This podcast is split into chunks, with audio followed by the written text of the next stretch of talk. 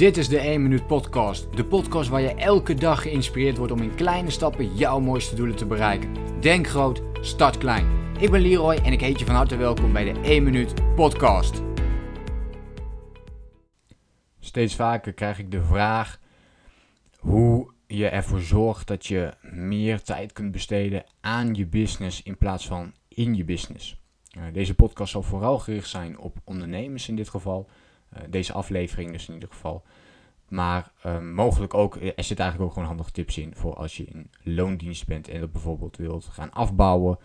of daarnaast je eigen bedrijf wilt gaan oprichten. ik, ik, ik voer daar één op één coachings op. Hè, dus mensen volgen mijn Next Level coachingstraject.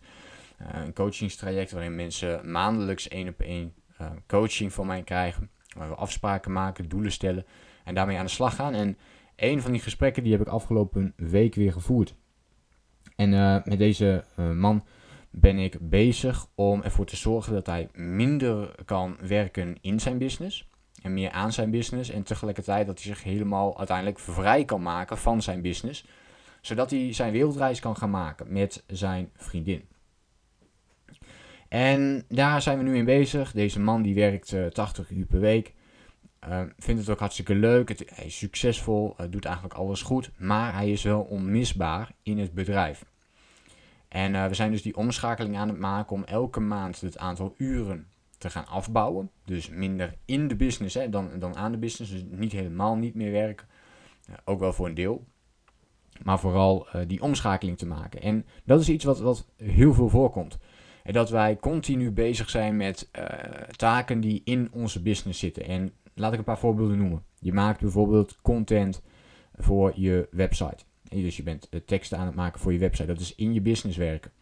In je business werken is ook werken aan bijvoorbeeld Instagram posts, uh, Facebook uh, reacties, Facebook advertenties maken. De marketingkant dus.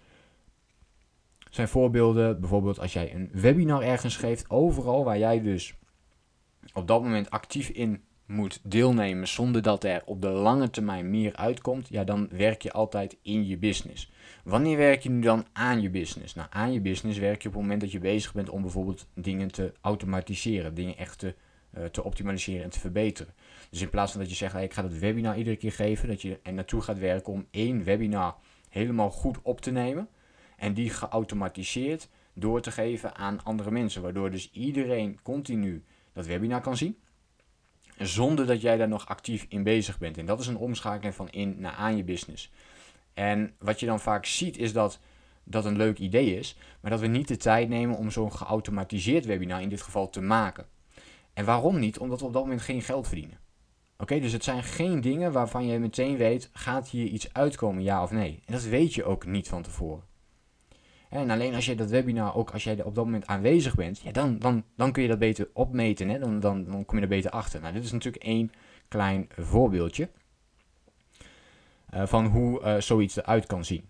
En hoe meer je die omschakeling gaat maken, en dus, dit is nogmaals, dit is echt een omschakeling in mindset.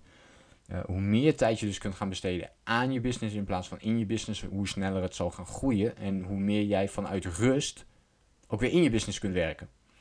En dus als jij dan wel een keer dat coachingsgesprek hebt, of, wel een keer dat webinar wil doen, ja, dan doe je dat vanuit complete rust. Omdat je weet dat de achtergrond, de basis helemaal uh, goed staat. Dus dingen automatiseren is een hele belangrijke in aan je business werken. Met deze man ben ik bijvoorbeeld bezig met protocollen uitschrijven. Hij wil al zo lang, hij heeft eigenlijk alles al klaarstaan, ook qua protocollen. Maar hij moet er nog een keer doorheen kijken. Alles is stapgewijs doornemen. De protocol ook is nog, nog beter uitwerken. En dan doorgeven aan uh, zijn personeelsleden en dan kunnen die daar weer mee verder. Ook dit is aan je business werken. Uh, mensen begeleiden, om, zodat ze uiteindelijk zelfstandig kunnen werken, is ook aan je business werken. Hoeveel zie je dat wel niet gebeuren in bedrijven? Dat we uh, weinig tot niet begeleid worden in het, het, traject om onszelf te verbeteren of onze functie goed te kunnen uitoefenen. En hoe meer tijd je daar in het begin instopt, hoe meer tijd je daar op het lange termijn aan overhoudt. Want opeens hebben mensen geen vragen meer. Ze weten wat ze moeten doen. Ook dat is een heel mooi voorbeeld van um, hoe je dat zo goed mogelijk uh, kunt aanpakken. Dus mijn vraag aan jou is vooral, wat zou jij kunnen doen om minder in je business, maar meer aan je business te werken? En als we die weer terughalen naar bijvoorbeeld een privé situatie, wat kun jij doen om dan minder daar de hele tijd met kleine dingetjes bezig te zijn, maar veel meer aan het grote plaatje. Laat het me gerust weten in reactie op deze podcast. Ik ben heel benieuwd. Maak dus die spreiding ook voor jezelf in percentages. Hè. Hoeveel tijd besteed jij nu in, in je business? Is dat bijvoorbeeld 80%? En werk je dan 20% aan je business? Of hoe ziet dat er voor jou uit? Ik hoop je de volgende keer natuurlijk weer te zien. En ik hoop dat je iets hebt gehad aan de inzichten van vandaag. Denk groot, start klein. Bedankt voor het luisteren. Geloof jij net als ik dat je in kleine stappen jouw mooiste doelen kunt bereiken? Abonneer je dan op mijn podcast voor meer dagelijkse tips en inspiratie.